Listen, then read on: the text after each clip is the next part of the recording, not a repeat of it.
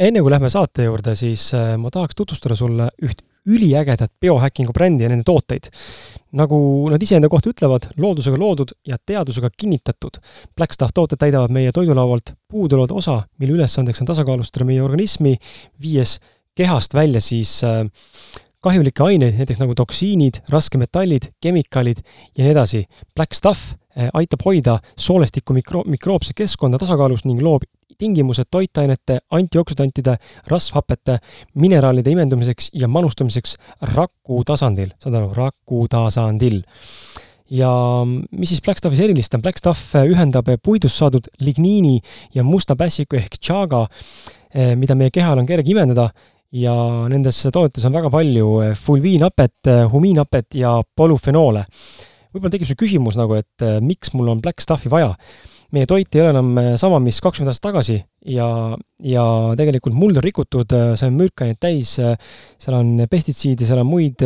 kahjulikke aineid, mis tegelikult seda, ütleme siis, mulda ja sellest tulenevat toitu ka kahjustavad ja, ja nende väärtust kahandavad, siis nende ainete, teatud, teatud ainete puudumisel ei ole keha võimeline ennast vitamiinide mineraalidega enam toitma ja see võib tuua kaasa mitmeid erinevaid haiguseid ja muid tervisemuresid. Blackstuff tooted võivad parandada siis seedetrakti tööd, võivad anda energiat, kiirendada treeningu järgset taastumist, aitavad unehäirete korral ja isegi nahaprobleemide korral. Eh, neil on koduleheküljel tegelikult mitu erinevat toodet, eh, mina hakkasin nüüd eh, enda kuuri koos naisega tegema siis kahe erineva tootega, tegelikult ühega ma ühe jätsin kõrvale, tegelikult hakkasin tegema ainult, ainult praegu Black, Blackstuff kapslitega, Trinero jäi kõrvale et äh, Black Stuff äh, kapslid siis suurendavad äh, keha võimet raku tasandil omastada ja toimetada vajalikke toitaineid, antioksüdante, rasvhappeid ja mineraale. Black Stuff aitab eemaldada kehast vabu radikaale, raskemetalle, keskkonnatoksiine, surnud rakke ja viirusi. ja Trinero siis see vähe võimsam ja oi-oi-oi, kui jõhker kanepilõhn Trinero äh, tootel on, kui pulgi lahti teha, siis Trinero, Trinero sisaldab ka kanepiteed, ehk siinkohal tuleb mängu kannabinoidide ehk siis CBD maailm. kannabinoididel on see mõnus tore omadus, et kui seda võetakse liiga vähe, siis võib see anda pigem energiat sulle ja kui liiga palju, võib see teha sind hoopis uniseks. ja Trineerol võetakse siis pigem äh,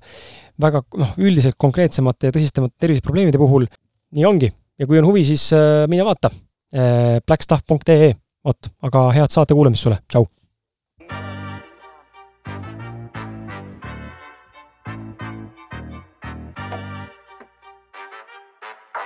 couple shooters that hit you on the block. Ain't a janitor, but I hit you with a mop. Better watch your friends, they quick to turn the odds. And a bitch nigga will play you for a thought. Ain't, a, ain't no Star Wars, yeah, my shit go TikTok. hallo, hallo, hallo, hallo! Tere tulemast kuulama Ausad mehed podcasti inspiratsioonivalangu järgmist episoodi. kui sa ei ole varem Äh, sattunud kuulama äh, inspiratsioonivalangu episoodi, siis äh, väike info sulle, millega tegemist on. tegemist on algupäraselt kümne kuni kahekümne minuti pikkuliste, pikkuseliste episoodidega, kus siis mina ja minu endine saate ka,, kaassaatejuht Martin keda täna enam ei ole, siis vahepeal tegime üksinda selliseid episoode, kus jagasime enda mõtteid, enda taipamist, enda kogemust, enda mingisugust väljaelamist, ma ei tea, emotsionaalset ütlemist, mis iganes veel sinuga väga lühikese saateformaadi äh, raames. nüüd äh, need, see on endiselt olemas, on ka lühemaid episoode, aga ma, nii nagu tänanegi, siis on ka eelnevalt ilmunud äh, erinevaid episoode, mis on pikemad, sellised, kus üksinda räägin ja ka tänane tuleb pisut pikem, pakun niisugune tunnine kuulamine vähemalt. nii et ähm, pea vastu, pea vastu, naudi minu minu maheldat, mahedat häält. naudi mu häält ja, ja, ja lähme aga saate juurde, et äh,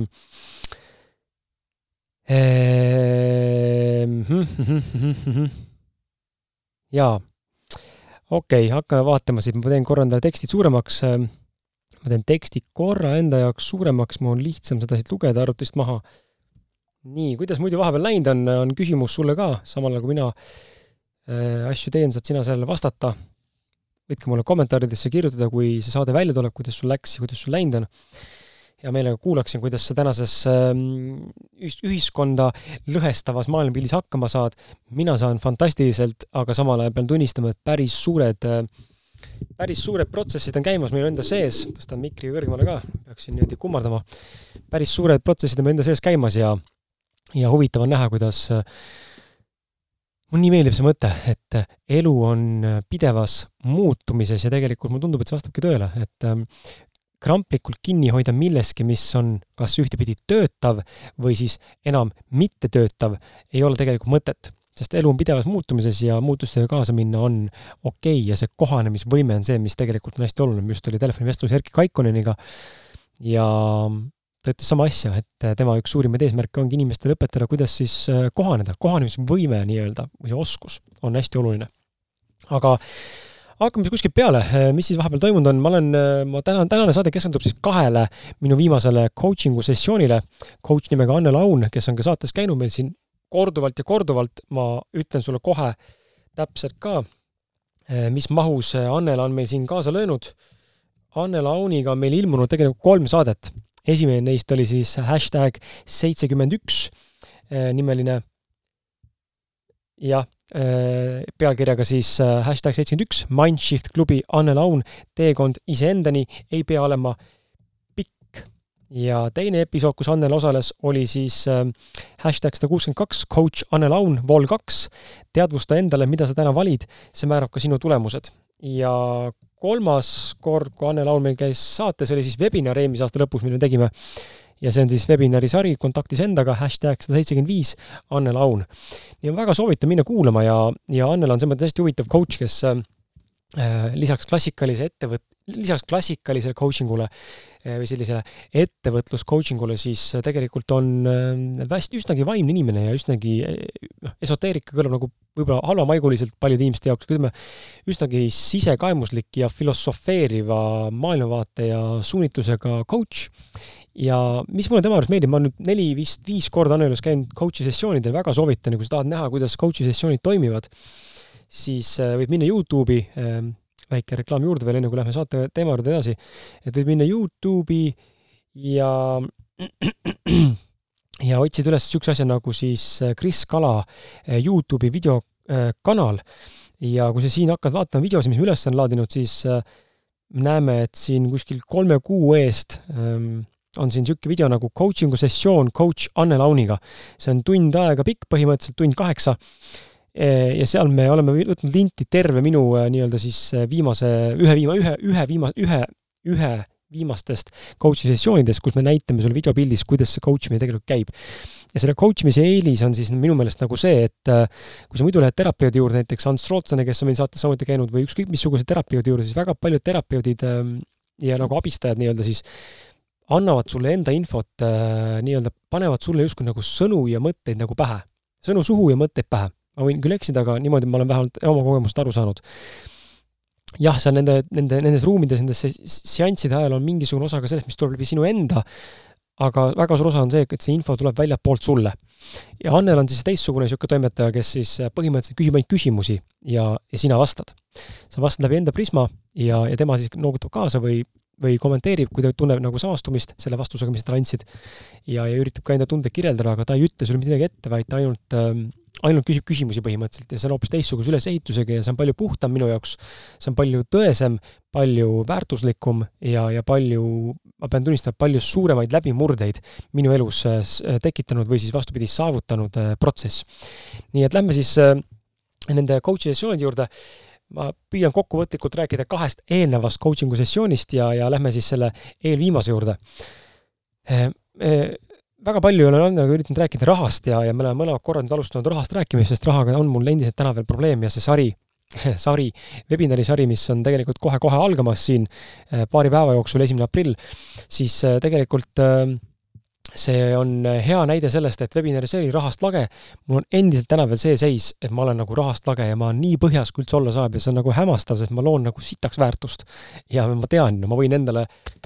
taguda rinda ja öelda, ma olen kõva vend äh, ja, ja mis on huvitav nagu kõrvalt näha, on see, et inimesed, kes mu ümber on, äh, teie head kuulajad, äh, inimesed, kellega ma suhtlen, kes on saatekülalised olnud ja minuga sõbratasandil suhtlema jäänud, või, või kes iganes veel siin ümberringi on, kes mind väga ei tunne võib-olla või igapäevaelu nagu ei näe, on ju, siis need inimesed arvavad millegipärast, et ma olen rikas ja ma olen väga edukas. ja ma ei tea, kust see tuleb. see on nagu hästi huvitav, et ma ei tea, kust see arvamus või see hoiak või see signatuur tuleb, ju siis ma kiirgan välja midagi mis äh, oma olemuselt on potentsiaalne juhtuma ja ma olen kindlasti kind-, täiesti veendunud, et meil kõigil on äh, potentsiaal ja tõenäosus olemas, et olla rikas ja edukas, ju siis see on minus nii tugevalt olemas, lihtsalt minu, minu tänane füüsiline reaalsus seda veel ei kajasta. või ei peegelda. ja siis mind ajab see nagu vahepeal ilgelt närvi, sellepärast et ma tahaks ka tunda head elu, aga näed, vot üsna fucked up olukord on nii et äh, see on mind mõtlema pannud ja, ja siis me oleme alustanud Anneliga sessioone nagu raha teemal ja Anneli ütles viimane kord mulle, eelviimase sessiooni alustasime sellest, ütles, et mulle siukse, tõi nagu hea näite mulle, et ütles, et kui ma Kris sind vaatan, siis, siis äh, sa oled nagu põllumees, kes on seemnest oma vilja, viljapõllu üles kasvatanud, sul on see vili nüüd valmis, seal seisab, eks ole, täiesti valmis äh, ülesvõtmiseks. ja siis sa seisad seal ees äh,, käed ristis ja küsid, et aga kus mu jahu on. ehk siis mingi samm, mingi asi on tegemata ma nagu olen ehitanud päris suure platvormi täna üles juba, see kasvab väga orgaaniliselt, me varsti jõuame juba poole miljoni kuulamiseni.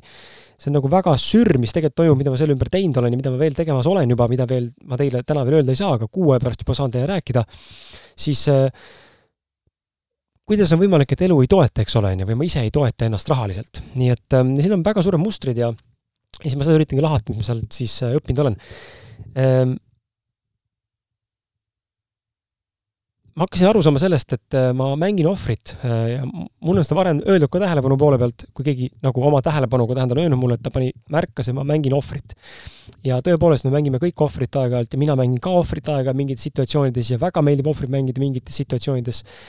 ja, ja siis Annela tõigi nagu mulle nagu pilti nagu selle asja, et ma mängin ohvrit, ehk mulle meeldib tegelikult sellele toetuda. Ja mulle meeldib olla toetatud, et isegi kui ma olen iseseisev inimene ja, ja enda eest seisev, endast teadlik, endast lugupidav, endasse uskuv, enesekindel, siis ma ikkagi tahan olla toetatud. vähemalt siis oma lähedaste inimeste poolt. ja, ja üks inimene, kelle poole on väga palju pöördunud toetuse saamiseks, on loomulikult mu elukaaslane ja temalt ma tahangi saada siis nagu ütleme niimoodi armastuse keele pealt siis sellist intiimset äh, füüsilise puudutuse lähedust. ma tahan olla toetatud sellega, et ma tunnen, et ta on emotsionaalselt ja füüsiliselt äh, mulle olemas, minu kehaga kontakti vastas, nahk naha vastas. ja ja siis kuidagi hakkasime lahkama ühesõnaga muid asju ka ja ma rääkisin seal ähm, jälle, läks jutt kuidagi vanemate peale ja vanavanemate peale, ma olen sellest Antsu, Antsuga ka rääkinud oma teraapiasessioonides ja ma olen tegelikult sellest ka siin rääkinud, eraldi episoodi teinud. mingite punktide praegu hüppan vahele ja ei, ei peatu siin, aga, aga väidetavalt siis äh, minu perekonnas oli äh, minu vana-vanaisa see inimene, kellel, ähm, kes on minu kaksikhing äh, nii-öelda siis mingisuguse äh, ütleme de, definitsiooni alusel, mis see siis tähendab, ma täpselt ei oska öelda, aga ma samastusin sellega täiega. ma olen alati tundnud, et see, kuigi ma täna ei mäleta seda inimest, siis ma nime, nime sain ka alles hiljuti teada, siis ma olen märganud, et minus on keha nagu raku tasandil või nagu kehamällu on äh, talletunud mingisugune mälupilt või kogemus sellest, kuidas ta minust hoolis ja mind armastas hästi palju, kuigi ma seda ise ei mäleta, mul ei ole ühtegi pilti temast ega ühtegi nagu mälestust siin äh, lauba siseküljel jooksmas. aga mul on tunne nagu tugev selline, mind nagu armastati, minust hooliti hästi palju selle inimese poolt. ta suri paraku vähki, kui ma olin nelja-kolmeaastane ja sellele järgnes üks teine sündmus, mis äh, pani siis nagu natuke mõtlema ja, ja mingil määral nagu kinnitust sellele, et aga et äkki tõesti siin on midagi sügavamat, et ta saab olla kaksikhing või kuidagi seotud. Ja, ja siis äh, kõige suurem osa, mis ma tegi, pidin tegema, on see, ma pidin minema kaks eel, eelviimases sessioonis siis kaks väga suurt praktikat pidin läbi tegema Annelaga, kus siis Annela absoluutselt ei juhi tegelikult mind, mida ma teen, vaid ma ise lähen ja teen seda, mis mul pähe tuleb, tema küsib küsimuse, mul tuleb spontaanselt tunne, et ma pean tegema nii, mul tekib mingi pilt, mingi visuaal, ma ütlen talle edasi, mis ma nägin, eks ole, ja lähen sealt edasi. ja ma pidin minema tagasi kümneaastase Krisi juurde, kellega siis juhtus äh, lapse, äh, juhtus siis lapsena see vanemate lahutus miks mu vanemad lahutasid, seda ma siin rääkima ei hakka, aga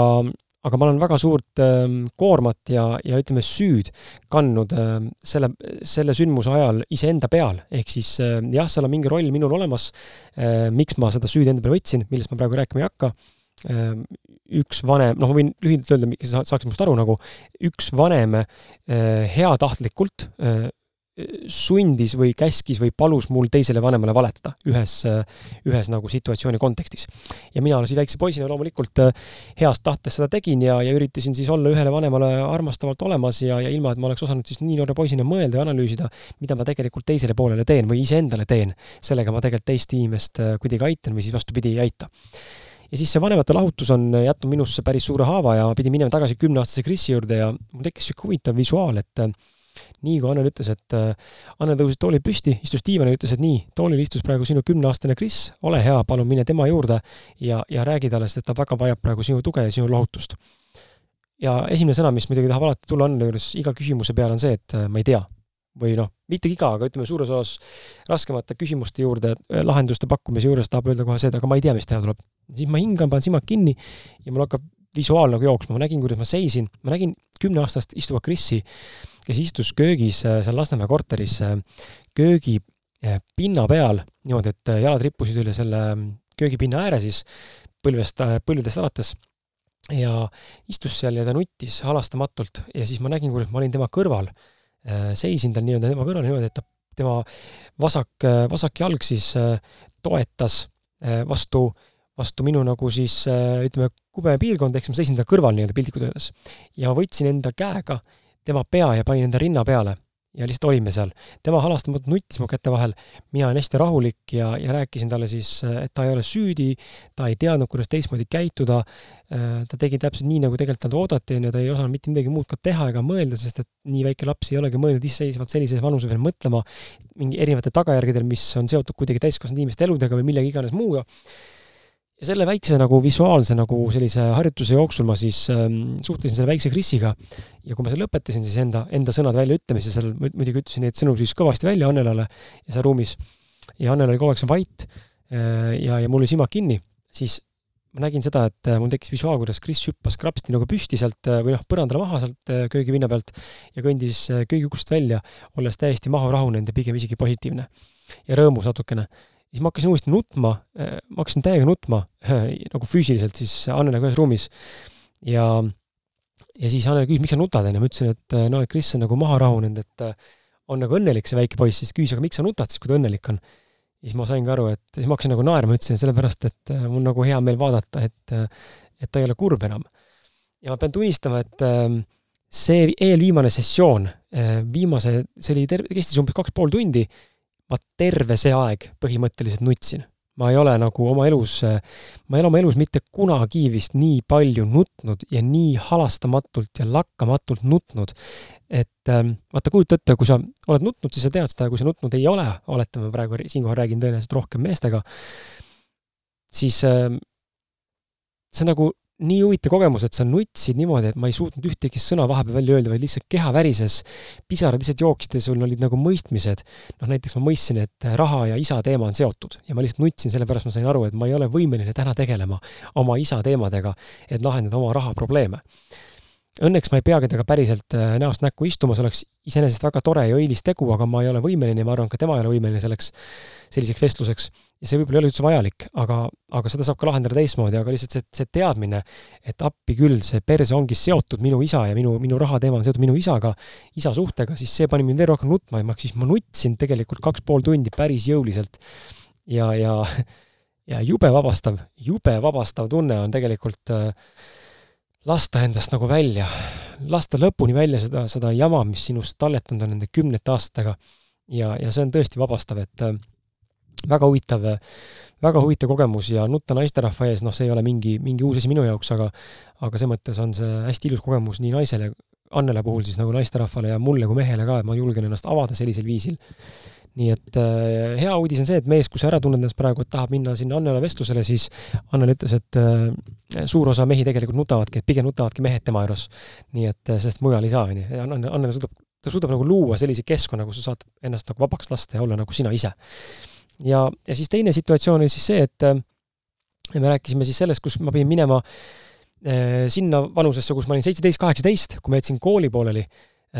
Ja seal on põhimõtteliselt samasugune sündmus, ma jälle läbi ühe vanema äh, valetasin teisele vanemale, tegin midagi sellist, mida ei oodatud minult, ehk siis ma võtsin koolist dokumendid välja, ilma ma oleksin tegelikult öelnud äh, oma isale sellest, kelle juures ma elasin äh,, et äh, ma tege-, sellise tempo tegin, ma ei olnud temaga võimeline sel teemal rääkima, kartsin jubedalt tema hinnangut ja hukkamõistu minu, minu otsusele, minu tundele, sest minus oli ilmselge tunne kaheteistkümnenda klassi lõpus, et ma pean kirjutama raamatu valmis ja ma ei pea lõpetama seda kooli lõpuni, sest et see ei ole minu tee. mul lihtsalt, mul lihtsalt nii selge äratundmine, et see ei ole minu jaoks harid-, klassikaline haridusteekond ei ole minu teekond siin elus. ma ei ütle, et see on vale või õige, minu tunne oli lihtsalt selline ja ma väga tugevalt juhindusin sellest, ma usaldasin ennast, ma tegin selle otsuse, tulin koolist ära, kirjutasin raamatu, esimene raamat tuli välja, tuli teine, tuli kolmas. fantastiline otsus. aga mis sellega juhtus, oli see, et äh, sellesama eh, otsusega, et ma võtan koolist dokumendid välja ja lõpetan eh, oma raamatu ära, valides iseennast, valides oma tunnet, oma intuitsiooni, oma päris soove, oma südame häält nii-öelda, siis sellega oli tagajärg, mida mina tol hetkel loomulikult ei teadnud, aga ilmselt kõikide eelduste kohaselt kuskilt varasemalt, enne kui ma planeet Maale siis sündisin, olema selle kogemuse endale välja valinud. aga selle, selle tagajärg oli siis see, et ma lõhun suhted oma vanemate ja oma lähedaste sõprade ja tuttavatega, kes mu ümber praegu on. ehk siis eeldusel, et ma lähen oma teed, ma katkestan äh, suhted inimestega, kes mu ümber täna on. ja täpselt nii ka läks. ja see on hästi huvitav nagu näha, kuidas tänaseks ei ole mitte kedagi ümber sellest perioodist, mõni üksik, okei okay,, vabandust, mõni üksik on, kellega veel suhtlen, aga aga põhimõtteliselt jah, et ähm, isa viskas välja mind enne sellest hetkest alates äh, ja, ja ema siis äh, nii hea, halvas kui heas ei olnud võimeline mind enda juurde võtma. ja, ja, ja mõlema, mõlema vanema poolt tundsin ma samal ajal siis suurt hüljatust ja sellist nagu noaga selga löömist, et nad ei saa mind aidata. ja sellest hetkest alates ma siis sulgesin ennast ja hakkasin väga palju maailmaga võitlema, mida ma tänaseni veel ikka veel teen. see maailmaga võitlus on päris suur teema minu jaoks, ma võitlen ja ma üritan kogu aeg tõestada teistele, et ma olen parem eh, versioonis endast, ma olen parem kellestki teisest ja, ja see on muidugi aastaga läinud nagu vähemaks ja ma olen hakanud läbi nägema seda mustrit, aga see on nii sisse jäänud. seal on nii suur haav, millega pean tegelema. see on nii suur valukoht, et äh, see minu kaitserefleks on olnud see, ma sulgen ennast, muutun soomusega tangiks, kes tuleb, lammutab, teeb ja mind ei huvita, mis teised inimesed ütlevad mulle, mul on täiesti pohhu, ma teen oma asja. see on töötanud ja see töötab ka edasi, see on mind väga palju edasi viinud, aga see ei ole kõige jätkusuutlikum ja tegelikult tuleks tuua tasakaalu siia nii et ma läksin siis tagasi seitsmeteistaastase Krisi juurde ja rääkisin talle välja, et see oli väga julge samm, mida ta tegi, tegelikult tegi. et see ei ole vaja, ei ole koht, kus ennast sitasti tunda, vaid see oli väga julge samm, sest ma kuulasin iseennast ja tegin midagi sellist, mis tundus mulle õige, sest minu perekonnas ei ole mitte keegi ennast mitte kunagi tõenäoliselt otseselt väga kuulanud ja on tehtud seda, mis on nagu klassikaliseks peetud või kuidagi, mis ühiskonna norm ette näeb. ja, ja Annel oskas öelda mulle täius-, täius-, täiustuseks või täpsustuseks seda siis, et selle selle nagu enda kuulamise ja koolist ära tulemisega ja raamatu valmis kirjutamisega ja selle kogu selle stsenaariumiga ma tegelikult lõhkusin, astusin välja ja lõhkusin ära, lõhkusin ära ja astusin välja enda perekonna ühest tuummustrist, mis siis oleks jätnud mind mingisugusesse äh, elatustasemesse või elatus nagu äh, harjumusse. nii et äh, see oli vastupidi julgus, mitte nende lollus või nagu mingisugune hirmus asi, vaid see oli julgus olla mina ise sest et väga paljud inimesed meie ümber ei julge olla mina ise. vaadake kas või tänast äh, pandeemia, nii-öelda pandeemia aega või olgu ta siin fake, tähendab, kui me jätame kõrvale selle, kas see viirus on olemas või ei ole olemas, on see mask oluline või ei ole see mask oluline, kas see mask aitab või ei aita, kas me peaksime vaktsineerima, mitte vaktsineerima, jätame selle, kõik selle pasa korraks erimeelsuse kõrvale, siis selge on täna see, minu kogemus ütleb mulle, et väga selgelt eristub täna see, et inimesed ei julge enda arvamust avaldada, sellepärast et me kardame saada ülejäänud massi hukkamõistu või oma maine rikut-, rikkumist nii-öelda. mis näitab väga selgelt seda, et me lihtsalt kardame seista selle eest, kes me tegelikult ise oleme. ma tean väga paljusid inimesi, kellel on võimalus suu lahti teha ja kes tegelikult tahaks midagi öelda, aga nad lihtsalt ei julge seda teha. ja see on minu jaoks kõige kurvem, kui sa ei julge enda eest seista. nii et äh, see oli huvitav kogemus äh, ja, ja ja siis äh, jah, pärast seda noh, väga, väga nagu hüplikult räägin, eks ole, siis lõpuks siis selle seansi lõpus äh, ma istusin, äh, istusin siis nii-öelda aknast, äh, vaatasin aknast välja, korra joon. vaatasin aknast välja ja, ja nägin, kuidas, nägin ennast nagu kolmanda isikuna vaadates selja tagant, nii nagu nägi siis tol hetkel seal ruumis Annela mind. ja täpselt samas kohas, kus Annel istus, ma nägin ennast nagu, ennast, ennast nagu kõrvalt see vaade oli niisugune, ma vaatasin aknast välja, ma olin kuklaga siis nii-öelda nagu silmapaari poole, Annele poole või siis selle poole, kes mind, kellele ma ennast vaatasin, ja ma tundsin ennast vaadatuna ja en-, en-, iseendana ka olles, et ma olen edukas. ma olen lõpuks kohal, ma olen saavutanud kõik selle, millest ma olen unistanud ja, ja palju rohkemgi veel. ja siis ma ütlesin ka Annelale, et äh, nagu nii kerge rahu, rahumeelne tunne praegu sees olla pärast seda nutmist ja seda, seda nende erinevate mõistmist äh,, erinevate taipamist ja mõistmist ja kogemuste lahti mõtestamist. mul on päriselt väga hea tunne ja hästi kerge ja niisugune selgus on sees olla ja mõnus on olla. et äh, tunne, et kõik uksed on lahti. ja, ja siis ta ütles ka mulle, siis ma ütlesin ka, mul on tunne, et see raamat, mida ma praegu kirjutan, ma kirjutan praegu uut raamatut, väga vaikselt, ei tasu veel seda siin lähima aasta-kahe jooksul oodata, aga kirjutan uut raamatut sain ka aru tegelikult jälle kinnitust, et miks mul vahepeal see raamatu seismine on äh, toppama jäänud. väga lihtsal põhjusel, sellepärast et äh, ma lihtsalt äh, ei ole valmis äh, ja võimeline täna veel seda lõpuni kirjutama, sest et mul on mingid etapid läbi elamata, mida ma ei ole suutnud veel teha ja mis pole veel tulnud. aga kui need ükskord elatud saavad ja läbi kogetud saavad, siis ma saan selle raamatu valmis kirjutada. ja mul on tunne, et see raamat tuleb väga suure läbimüügi või trükiarvuga raamat see lööb väga kõvasti Eestis laineid ja siis Annele ütles mulle, et äh, see tuleb ka inglise keeles. ja see tekitas minus külmavärinaid, sellepärast et ma olen unistanud kümnendast, kaheteistkümnest eluaastast saati või saadik äh, Äh, sellest, et minust võiks saada New, New York Times bestselleri äh, üks nagu top bestselleritest. ja, ja ma olen üsna kindel, et see juhtub, ma ei tea, millise raamatuga, aga mul on lihtsalt tunne, siiamaani juba viisteist aastat, et see juhtub varem või hiljem ja mul on tunne, et see raamat, mida praegu kirjutan, see võib olla väga potentsiaalselt selle vääriline. nii et see on väga huvitav äh, väga huvitav nagu, kuidas enda sees mingid asjad ja siis Annela terapeudina või nagu coach'ina nii-öelda suudab see nagu vastu peegeldada ka see, mida ta, ta, ta, ta tajub nagu asju ja siis ta ütleb sulle välja, mida tunneb või tajub, eks ole, on ju, et see on hästi huvitav protsess. Äh, jääme siis nagu nüüd eelmise sessiooni juurde. seal ma ei nutnud mitte ühtegi korda, aga hakkasime ka rahast rääkima ja, ja alustasin siis oma, oma tänastest mõningatest koostööpartneritest, kellega midagi koos teen ja kellega mingid tegevused nagu üldse ei liigu või ei liigu nii, nagu ma tegelikult lootnud oleksin, sest et äh, vaata, Kaido Pajumaa on sellest minu saates rääkinud ja, ja ma arvan, et sa oled varem kuulnud ka sedasama asja, aga võib-olla läbi teise kontseptsiooni. Kaido kasutas siis kolme lippu, mina kasutan kolme valgusfoori äh, või mis iganes muud asja, et see kolme, kolme nagu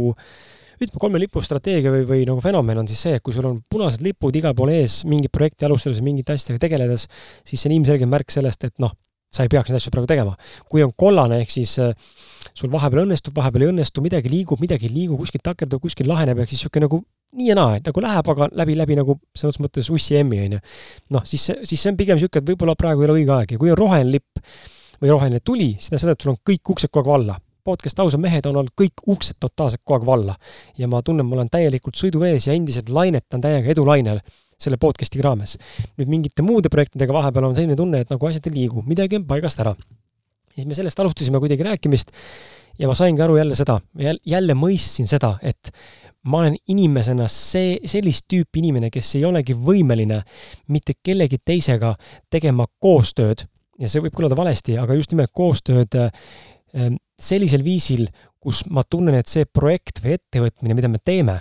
äh, ei ole sada protsenti vastavuses sellega, kes ma olen ja milliste väärtuste eest ma seisan. ehk siis mul ei ole ühtegi probleemi enda asju juhtida, enda asju teha, täie rauaga tööd sisse panna, inimestel pole aimugi, kui palju ma igapäevaselt panen täiskohaga podcast'i oma aega, energiat sisse, et ehitada seda ja luua väärtust ja see on kõik fun, saades seejuures null eurot äh, tasu selle eest.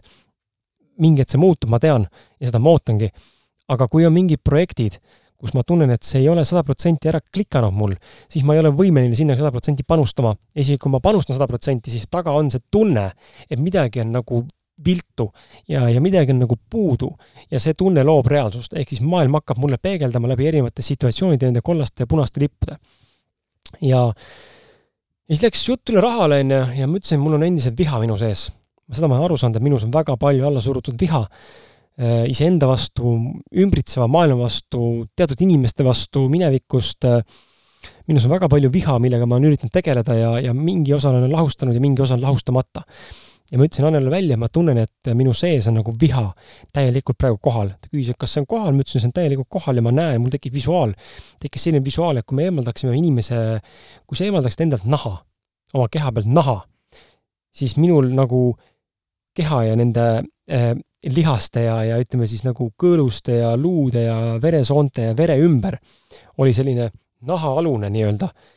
eh, sihuke sperma, spermavalge valkes, selline valge selline hallikas nagu sihuke, sihuke nagu ma ütlen, eh,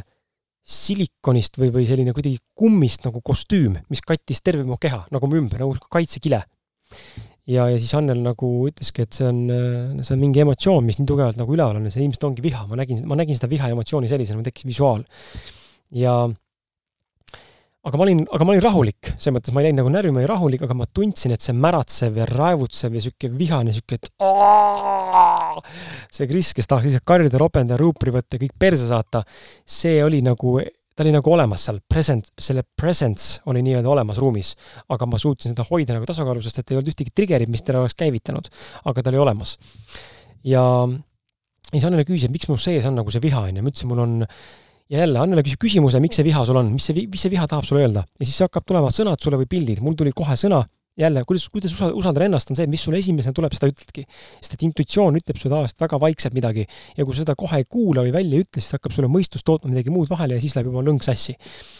minu esimene väga tugev tunne, mis oli, oli kohe sõna, märksõna kättemaks. kui ta küsis, kellele, ma ütlesin, et äh, vanadele klassivendadele ja klassiõdedele ja siis ta küsis, nagu läks edasi sealt ja, ja sellest ma olen ka vist varem rääkinud siin, et mul on mingi teema enda, enda, ma olen, tähendab, tähendab, ma olen arvanud, et mul on mingi teema oma, oma koolikaaslastega, paralleelklassivendade, klassivendadega ja kõige muuga. tegelikult selle Annela sessiooni käigus äh, siis selgus, ma ei hakka siin nimesid mainima, see pole üldse oluline, aga selgus see, mul ei ole mitte viha ega kättemaksu soov äh, ega, ega nagu just nimelt see nagu põlastus mitte kõigi vastu, vaid tegelikult ainult ühe, ühe inimese vastu, keda, kes on suutnud mõjutada veel kolm inimest, ehk siis nelja inimese vastu, nelja inimesega seoses tähendab, nelja inimesega seoses, aga ühe inimese vastu sealt neljast inimesest on mul konkreetselt mingisugune tõrge. ja siis me selle eh, protsessi käigus siis mõistsime tegelikult, et eh, ka temal oli väga suur tõenäosus, et ka temal eh, oli midagi minu vastu, mitte isiklikult, vaid läbi selle, et ma peegeldasin talle midagi sellist või sellist käitumist, mida ta nägi tegelikult igapäevaselt kodus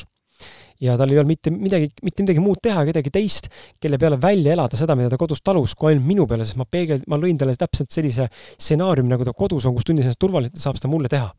ja mina tundsin tema vastu sama asja, mina tundsin, et tema tütar, see naisterahvas, tütarlaps on väga sarnane minu isa naisele, kellega mul ei ole ka väga head suhted enam viimasel ajal või noh, pole üldse olnud tegelikult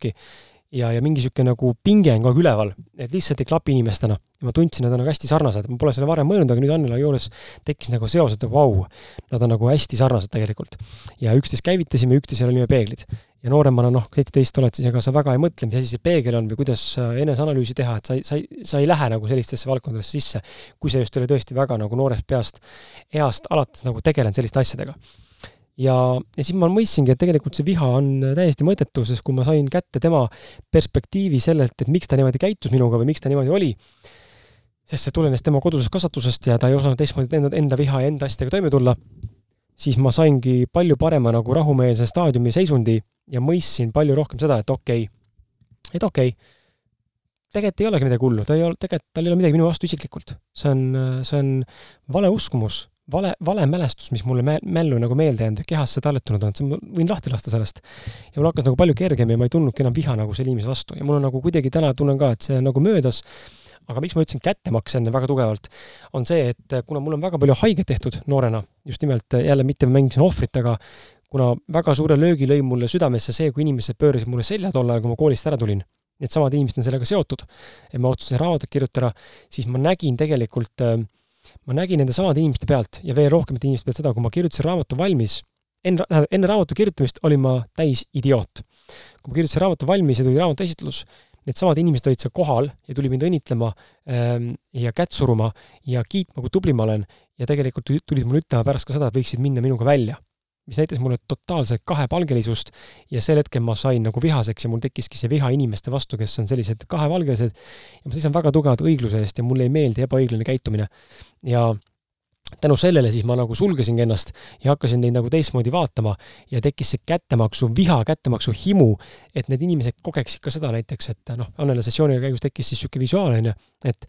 kui ma ühe hetkel olen rikas nüüd ma rõhutan, et ma tean tegelikult, et inimesena ma selline ei ole ja ma ei teeks seda. aga see teine pool, see minu teine pool, see sisemine raevukas Kris, see tema visuaal. et kui ühel hetkel oleksin rikas ja edukas inimene ja nüüd inimesed tuleks minult abi küsima, siis ma saaks näidata keskmist sõrme ja öelda, et käi perse. sest sind ei olnud olemas minu jaoks, mind ei olnud sinu jaoks olemas siis, eh, kui ma sind tegelikult vajasin ja nüüd, kui sina vajad mind, siis ei ole mind ka sinu jaoks eh, olemas aga päris olemuses ma oleksin avasüli käed lahti, embaksin ja, ja annaksin andeks inimestele. aga ma saingi aru, minu sees on mingi teine pool, selline teemonlik pahem pool, mis vahel võtab üle ja ongi teravam ja ongi konkreetsem ja ongi võikam ja selline nagu võimsam, tugevam, pealetükkivam ja nii edasi, et äh, robustsem. et see robustsus on ka ja toorus on ka minu, minu nagu, äh, minu nagu viis, kes ma olen, osa minust, aga seal on ka väga tugevalt seda, seda ülepaisutatud ja nii-öelda siis äh,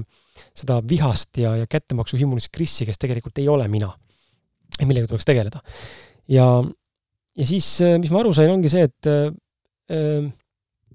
pärast seda ma nägin ennast istumas mingisuguse ovaali ees, ma nägin nagu sellist punase-musta nagu hästi niisugust veripunast ja tumemusta nagu ovaali, ütleme niisugust nagu noh, ovaal jah, ütleme muna moodi ovaali, mille see nagu väliring ja siis iga, iga ring läks nagu väiksemaks ovaali sisse, kui lõpuks tekkis nagu niisugune nagu portaal või selline nagu uks. ja siis Kris istus seal ees põrandal, pepu, pepu maas nii-öelda ja siis põlved nagu käevanguseks kiikus nii-öelda piltlikult öeldes ja vaatas sellesse ovaali sisse ja, ja see Annele küsis, kas ma saan nagu minna sinna selle Krisi juurde ja talle käe ümber panna temaga rääkida. ja ma sain, ma visuaal, jälle visuaal hakkas tööle, silmad on kinni, mul pilt jookseb, film jookseb, onju, ja siis ma panin käe ümber ja nägin, et äh, ta ei kuula mind, ma rääkisin temaga, aga ta ei kuula mind. ja siis ma nägin, et ta vahepeal vaatas minu poole ja siis jälle vaatas tagasi sellesse auku. aga ma sain aru, et ta on nagu kinni jäänud, sest et ta hakkas seda minu poole vaatamist nagu suvalisel hetkel nagu tegema kogu aeg lihtsalt. et vaatas kõrvale, siis jälle vaatas otse. vaatas kõrvale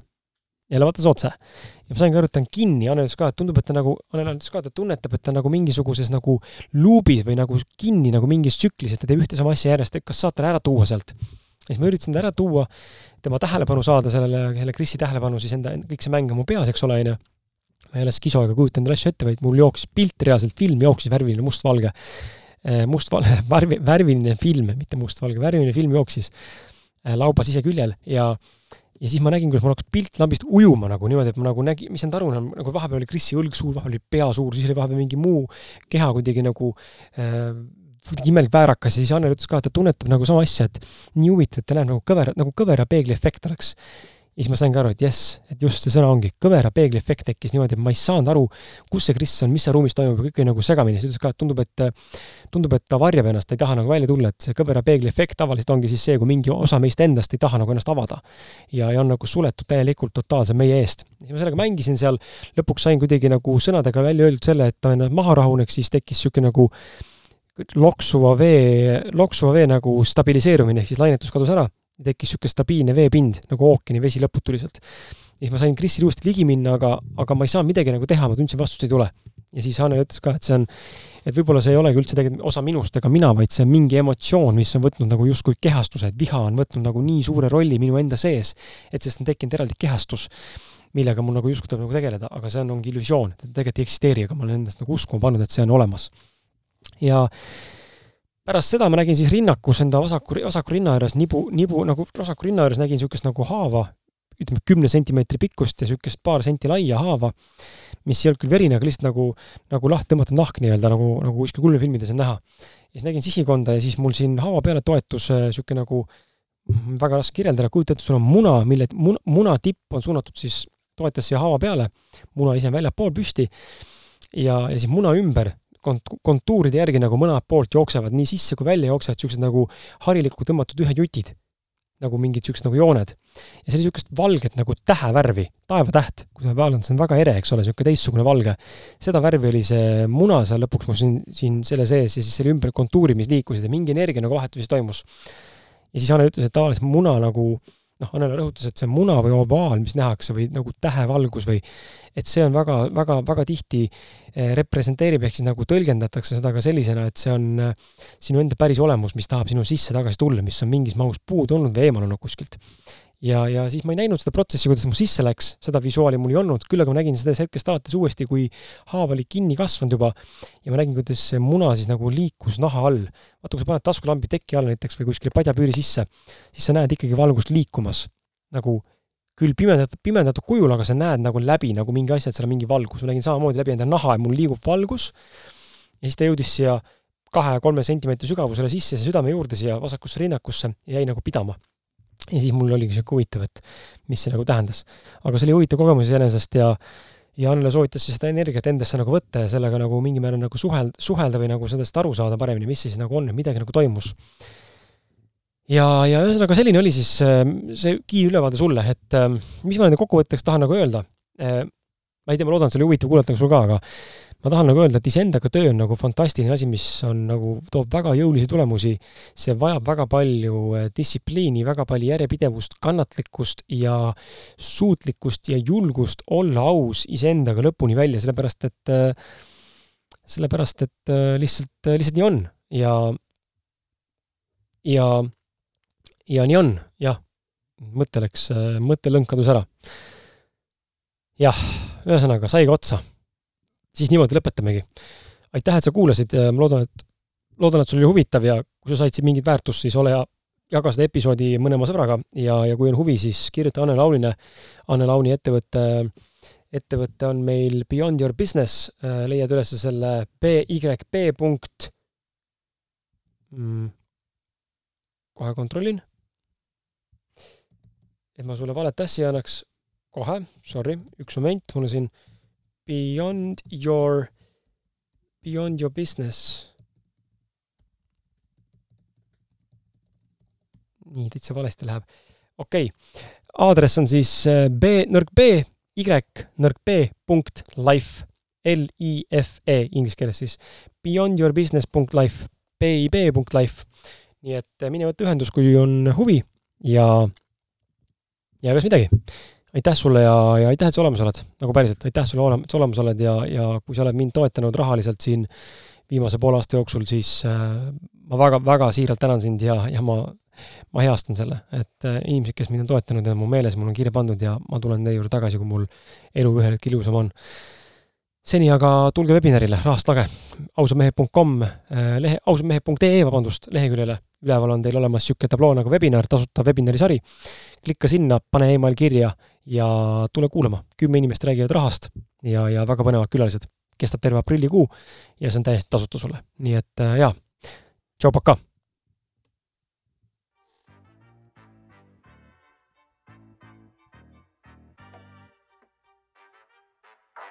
Couple shooters that hit you on the block. Ain't a janitor, but I hit you with a mop. Better watch your friends, they quick to turn the odds. And that bitch nigga will play you for a thought. Ain't no, ain't no Star Wars, yeah, my shit go TikTok. Jumping in out the bendo like it's hopscotch. My nigga in the kitchen and he whipping in the pot.